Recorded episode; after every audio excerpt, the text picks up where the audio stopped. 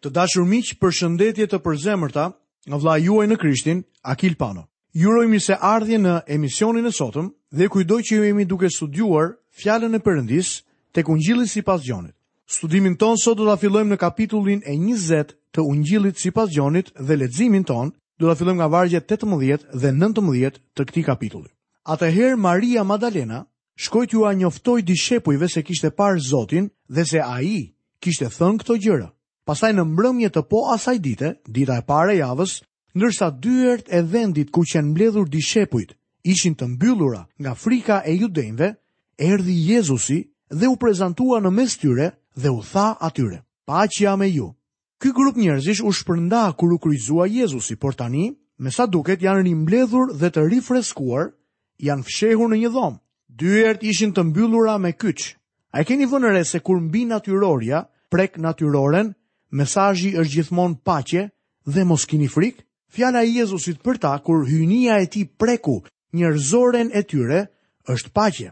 Kjo është paqja që vjen nga të qenit i justifikuar nëpërmjet besimit në Zotin tonë Jezu Krisht. Ai na jep paqe me Perëndinë. Vini re kur ata e panë e njohën. Sigurisht që u frikësuan.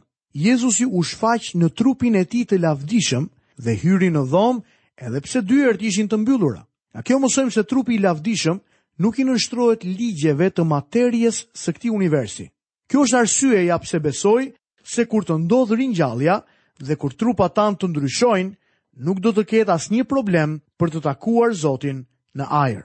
Lexojmë më poshtë vargun e njëzetë. Dhe si i tha këto, u tregoi atyre duart e veta dhe brinjën. Dishepujt pra kur e panë Zotin, u gëzuan. Vini re, Në një trup të lavdishëm, Jezusi kishte shenjat e gozhdëve në duar dhe të heshtës në brinjë. Ekzistonte një ngjashmëri e çuditshme me trupin që u kryqëzua në kryq. Shenjat ishin ende aty. Nuk besoj se në trupat tanë do të ketë shenja. Mendoj se janë në trupin e tij, sepse ai i mbarti për ne. Ai i mori ato në mënyrë që unë dhe ti të mund të ishim prezent përpara tij, pa njolla dhe pa të meta. Ai mori mëkatin tonë dhe kjo do të jetë evidenca për të gjithë përjetësinë. Lexojmë vargun e 21. Pastaj Jezusi u tha atyre përsëri: Paqja me ju. Sikurse më ka dërguar mua Ati, ashtu unë po ju dërgoj ju. Nuk mendoj se Zoti po përsërit të njëjtat fjalë. Mendoj se këtu gjejmë një paqe të ndryshme. Në vargun 19 gjejmë paqen e shpengimit, paqen me Perëndinë. Shpengimi tashmë është kryer. Ndërsa kjo është paqja e përshkruar tek Mateu 11:28. Ejani tek unë o ju të gjithë të munduar dhe të rënduar, dhe unë do t'ju jap shlodhje. Kjo është shlodhja e shpengimit, paqja e shpengimit. Ndërsa ekziston edhe një paqje tjetër. Paqja e atyre që janë në miqësi me Zotin dhe që bëjnë vullnetin e tij. paqja e përshkruar tek Mateu 11, 29. Merrni mbi vete zgjedhën time dhe mësoni nga unë, sepse unë jam zemërbutë dhe i përulur nga zemra, dhe ju do të gjeni prehje për shpirtrat tuaj. Shpengimi është përmbushur tashmë. Tani Krishti i dërgon ata ashtu si Ati dërgoi Jezusin në botë. Ai e ka përmendur edhe më parë këtë në lutjen e tij. Sikurse ti më ke dërguar mua në botë, po ashtu unë i kam dërguar ata në botë. Lexojmë vargun 22. Dhe si tha këto fjalë, hukati mbi ta dhe tha: Merreni frymën e shenjtë. Kjo periudhë e historisë është një periudhë tranzicioni midis ligjit dhe hirit. Ekziston një interval në jetën e këtyre njerëzve dhe në shërbesën e Zotit Jezu Krisht midis vdekjes, ringjalljes dhe ditës së Pentakostit. Kjo është një kohë unike në historinë e botës. Zoti ynë u foli dishepujve mbi lutjen tek Ungjilli Lukës kapitulli 11. Ai tha se nëse do të kërkonin, do t'u jepej. Në vargun 13 të të njëjtit kapitull ai u thotë që po flet veçanërisht për dhuratën e frymës së shenjtë, të cilën Ati do t'ia jepte kujtdo që do t'ia kërkonte. Me aq sa dim, ata nuk e kërkuan këtë. Ndërsa tek Gjoni 14 dhe vargu 16, Jezusi tha, dhe unë do t'i lutem Atit dhe ai do t'ju jap një ngushëllues tjetër. Është e vërtetë që Pjetri tregoi maturi shpirtërore kur tha se Jezusi është Krishti, por disa minuta më vonë, i tha Jezusit të mos shkonte në kryq për të vdekur. Personalisht besoj se në momentin që Jezusi hukati mbi ta dhe tha, merrni frymën e shenjtë, këta njerëz u rigjeneruan. Çfarë ndodhi në ta ishte shpëtimi. Përpara kësaj, fryma e shenjtë nuk banonte në ta. Më leni që t'ju saktësoj. Shpeshherë pyes besimtarët në kishë dhe midis pyetjeve të ndryshme, u kam bërë edhe një pyetje të rëndësishme doktrinale mbi shpëtimin. Dhe pyetja ime drejtuar këtyre besimtarëve ka qenë kjo. Kur mendoni ju se dishepujt e Jezusit u shpëtuan? Në momentin kur Jezusi i thirri, ejani pas meje dhe unë do t'ju bëj peshkatar njerëzish, apo eja dhe më ndiq? Dhe shohim që Gjoni, Jakobi, Mateu, Andrea e plot të tjerë lanë punën e tyre, rrjetat, lanë vendodhjen e tyre, braktisën familjen dhe e ndoqën atë. Kur pra u shpëtuan dishepujt? Momentin kur Zoti i thirri dhe ata lanë gjithçka dhe e ndoqën, Apo tek Mateu dhjetë kur Jezusi i dërgon ata për të shëruar, për të bërë mrekulli, për të predikuar vitin e pranueshëm të Zotit dhe në fakt ata kthehen me mrekulli, kthehen me dëshmi, kthehen me me fitore. Apo ata shpëtojnë ditën e Pentakostit, kur Zoti derdh frymën e shenjtë në ditën e Pentakostit, ditën e 50 pas ringjalljes së tij. Edhe në fakt disa nga individët që kanë dëgjuar këtë pyetje në lidhje me shpëtimin kur u shpëtuan dishepujt e Jezusit në momentin kur Jezusi i thërret që ta ndjekin, momentin kur Jezusi i dërgon ata tek Mateu 10 apo momentin kur fryma e shenjtë vjen mbi njeriun në botë ditën e Pentakostit, ka ndodhur që individë të ndryshëm kanë dhënë përgjigje të ndryshme. Disa besimtarë kanë treguar që dishepujt e Jezusit u shpëtuan momentin kur ato lanë varkat e tyre dhe e ndoqën atë. Disa tjerë besimtarë tjerë thanë që jo, nuk është e vërtetë, Jezusi i shpëtoi ata kur ai i dërgoi ata, por në fakt asnjëra nga këto nuk është e vërtetë. Ata nuk u shpëtuan as ditën e Pentakostit. Ata ditën e Pentakostit ishin të shpëtuar.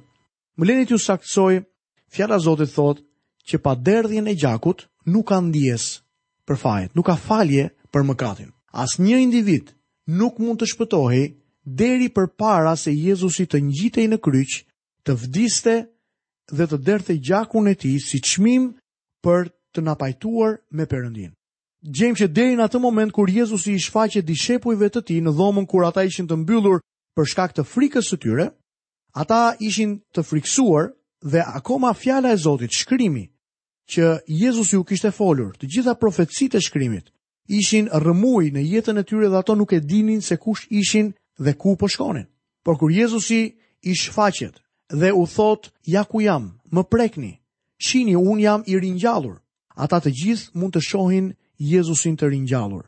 Dhe e gjithë e vërteta biblike, të gjitha dëshmitë e mrekullueshme që ato panë me Jezusin u rigjeneruan në jetën e tyre. Ato mund ta shihnin Krishtin të gjallë. Fjala e Zotit na mëson që e vetmja mënyrë që individi të shpëtojë është të rilindet sërish. Mirëpo, nuk mund të rilind individi pa punën e fjalës dhe frymës.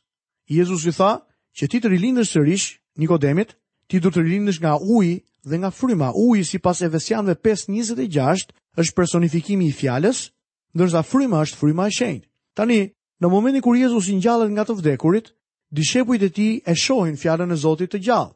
E shohin atë që ishte që nga fillimi me Perëndinë dhe ishte Perëndi dhe ishte fjala. Jezusin, fjalën e Zotit të gjallë. Dhe ato mund ta prekin këtë fjalë. Ato e mbajnë këtë fjalë në zemrat e tyre, por megjithëse ato besojnë te Krishti si fjala e Perëndisë, Deri në momentin kur fryma e Zotit të vijë në zemrat e tyre, ata nuk mund të ishin të shpëtuar. Është fjala dhe fryma ajo që sjell rigjenerimin dhe rilindjen shpirtërore, pra shpëtimin tek njerëzit. Deri tani, këtu kemi një grup njerëzish që gjenden midis ligjit dhe hirit. Një grup dishepujsh që po ndjekin Jezusin dhe premtimet e tij, por ende nuk janë të shpëtuar për shkak se fryma e Zotit nuk ka ardhur në jetën e tyre. Në këto momente, Jezusi hukat mbi ta. Shprehja hukat mbi ta, shfaqet edhe një herë tjetër në Bibël. Tek Zanafilla, Perëndia i fryu Adamit frymën e jetës. Besoj se Jezu Krishti këtu, u fryu këtyre njerëzve jetën e përjetshme. Amen? Jetën e përjetshme duke u dhënë atyre frymën e Zotit. Edhe një herë, një individ që të marrë jetën e përjetshme duhet të marrë në zemrën e tij fjalën e Zotit, mesazhin e Ungjillit, të besojë në Krishtin dhe frymën e shenjtë. Nëse fryma e shenjtë nuk vjen në zemrën e individit, me gjithë fjalën, ai nuk mund të shpëtojë. Fryma duhet të bashkohet me fjalën. Ja përse Jezusi fryn mbi ta dhe u jep atyre frymën e Zotit. Kjo do t'i mbante dishepujt e Jezusit dhe do t'i siguronte ata për një interval kohe midis ngjitjes së tij në qiell dhe ardhjes së frymës së shenjtë ditën e Pentakostit dhe këtu kemi një eveniment tjetër, jo shpëtimin, por kemi pagëzimin me fuqinë për të shërbyer.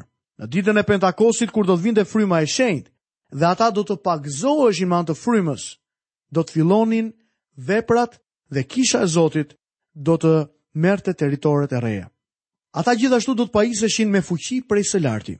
Kisha do të vinte në ekzistencë në atë ditë, që nga ajo kohë deri më sot fryma e shenjtë është në botë.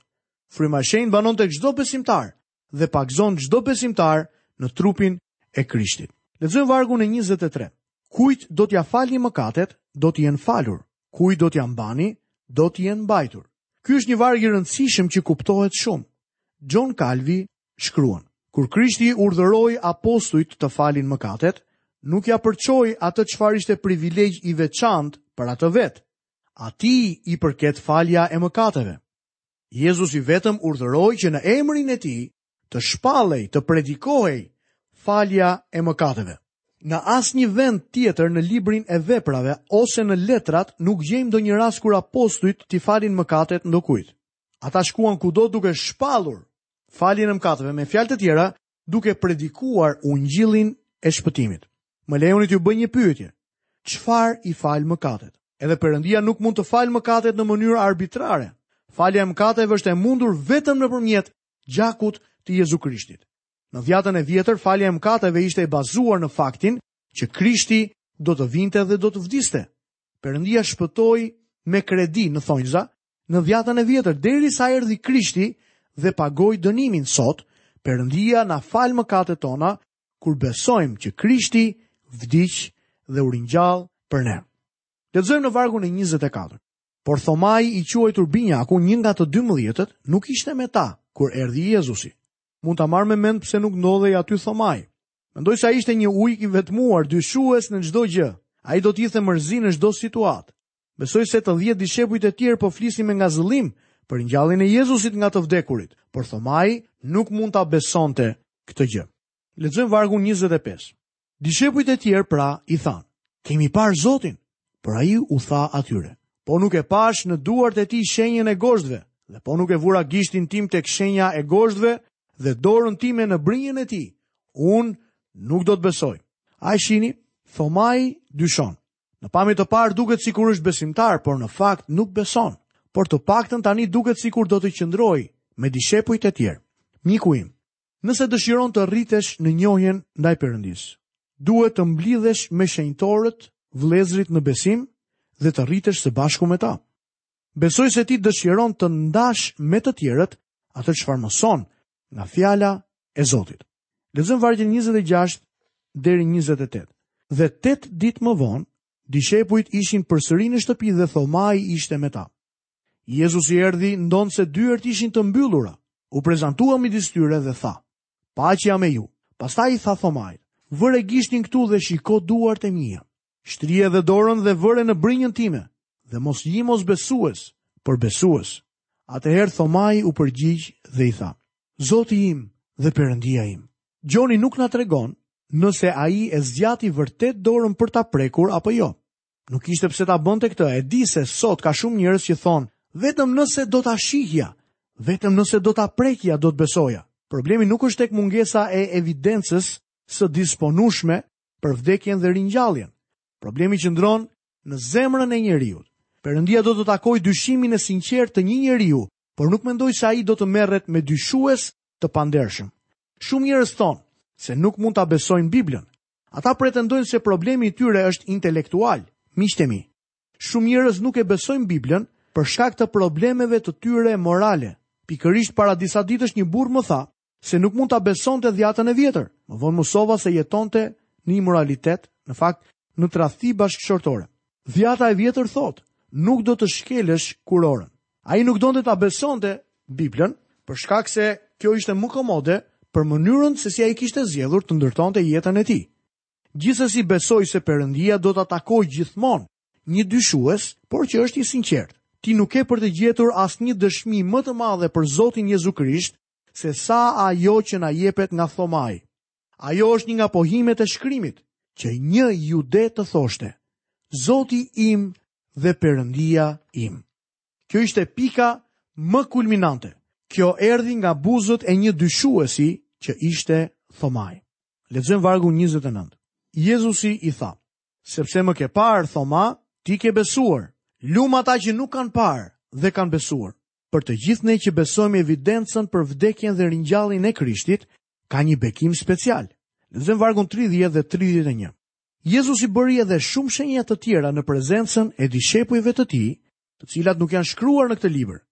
Por këto gjëra janë shkruar që ju të besoni se Jezusi është Krishti, Biri i Perëndisë, dhe që duke besuar ta keni jetën në emër të tij. Ky varg është dhe çelësi i ungjillit sipas Gjonit. Zoti bëri shumë gjëra që nuk janë regjistruar, ai shëroi me mijëra njerëz të tjerë. Mendoj se Gjoni thotë gjithashtu, se bëri edhe shumë gjëra të tjera pas ringjalljes së tij, që nuk janë regjistruar këtu. Gjoni ka qenë përzgjedhës në shkruajtjen e këtij ungjilli. Ai ka zgjedhur materialin që ka shkruar, sepse kishte një qëllim të përcaktuar qartë në mendje. Gjoni nuk u përpoq të shkruante një biografi të Jezu Krishtit. Madje, as u përpoq të futej në jetën e Krishtit në fushat që nuk ishin përshkruar nga ungjijtë e tjerë. Ai shkroi në mënyrë që ju të mund të besoni që Jezu Krishti është biri i Perëndisë dhe duke besuar të mund të keni jetën e përjetshme në emrin e Krishtit. Vetëm nëpërmjet besimit do të merrni jetë dhe do të rilindeni sërish. Ju do të bëheni një fëmijë i Perëndisë vetëm nëpërmjet besimit në Jezu Krishtin. I dashur mik, këtu kemi përfunduar dhe studimin tonë mbi kapitullin e 20 në Ungjillin sipas Gjonit. Fillojmë menjëherë me studimin në kapitullin e 21 të këtij Ungjilli. Tema që do të shohim në këtë kapitull janë këto: Mbulimi me lavdi. Jezusi i ringjallur është ende Perëndi. Zoti i jetëve tona. Ai drejton shërbesën tonë. Zoti i zemrave tona. Motivi për shërbesën. Zoti i mendjeve tona. Mungesa e njohurisë nuk është justifikim për shërbesën. Lexojmë nga vargu i parë deri në vargun e tretë, në kapitullin e 21 të Ungjillit sipas Gjonit. Pas këtyre gjërave, Jezusi iu shfaq përsëri dishepujve pranë detit të Tiberiadës dhe u shfaq në këtë mënyrë. Simon Pjetri, Thomai i quajtur Binjaku, Natanaeli, nga Kana e Galilesë, të bijtë e Zebedeut dhe dy të tjerë nga dishepujt e tij ishin bashkë. Simon Pjetri u tha atyre, Po shkoj të peshkoj! Ata i thanë, Po vijmë edhe ne me ty. Dolën dhe hipën menjëherë në barkë, por atë natë nuk zunë asgjë. Deti i vogël i Galilesë është shumë i lidhur me shërbesën e Zotit Jezus, si para ashtu edhe pas ringjalljes së tij. Ky vend ishte i njohur për ta. Jezusi u kërkoi të shkonin në Galile dhe atje priste t'i takonte. Ata kanë shkuar atje dhe po e presin. Këtu gjejmë një grup të mahnitshëm. Do të më pëlqente ta quaja këtë kuvendi i fëmijëve me probleme.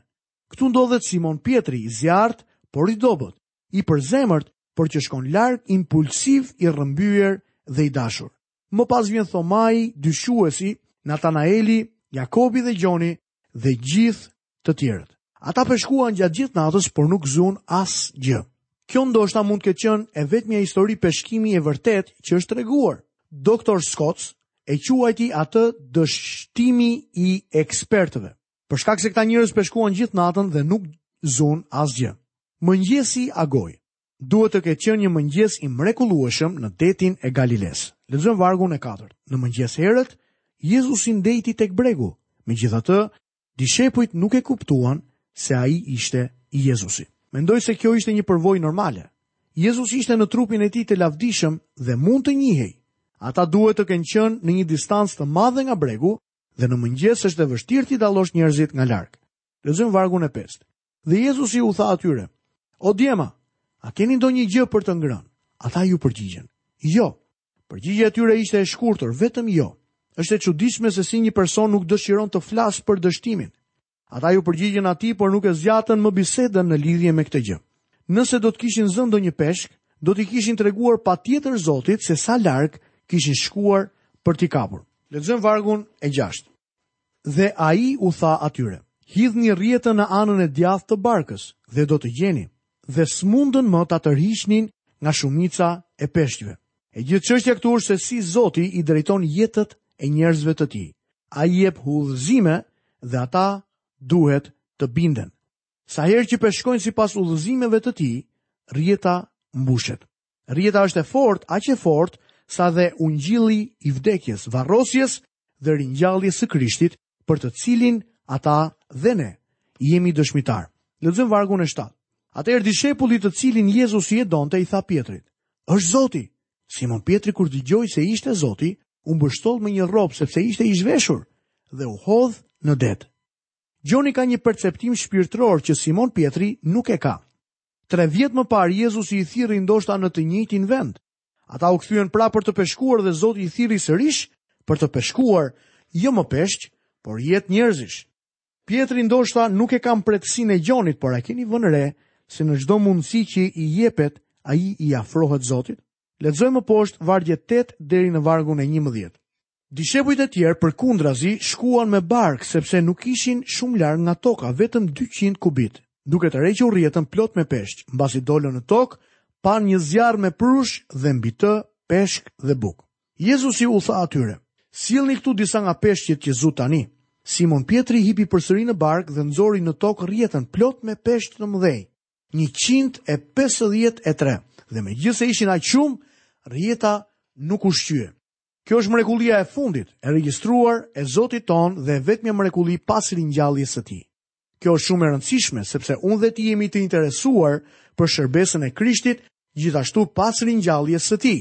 Apostulli Pal tha, Po edhe sikur ta kemi njohur Krishtin sipas mishit, nuk e njohim më ashtu. Ne nuk jemi bashkuar me një bebe në Betlehem, por me Krishtin e ringjallur, të gjallë dhe të lavdishëm, që ndodhet në të djathtën e Perëndisë. Kjo është arsyeja pse shërbesa e tij pas ringjalljes është kaq jetësore për ne. Ka disa gjëra këtu për të cilat do të doja të tërhiqja vëmendjen tuaj.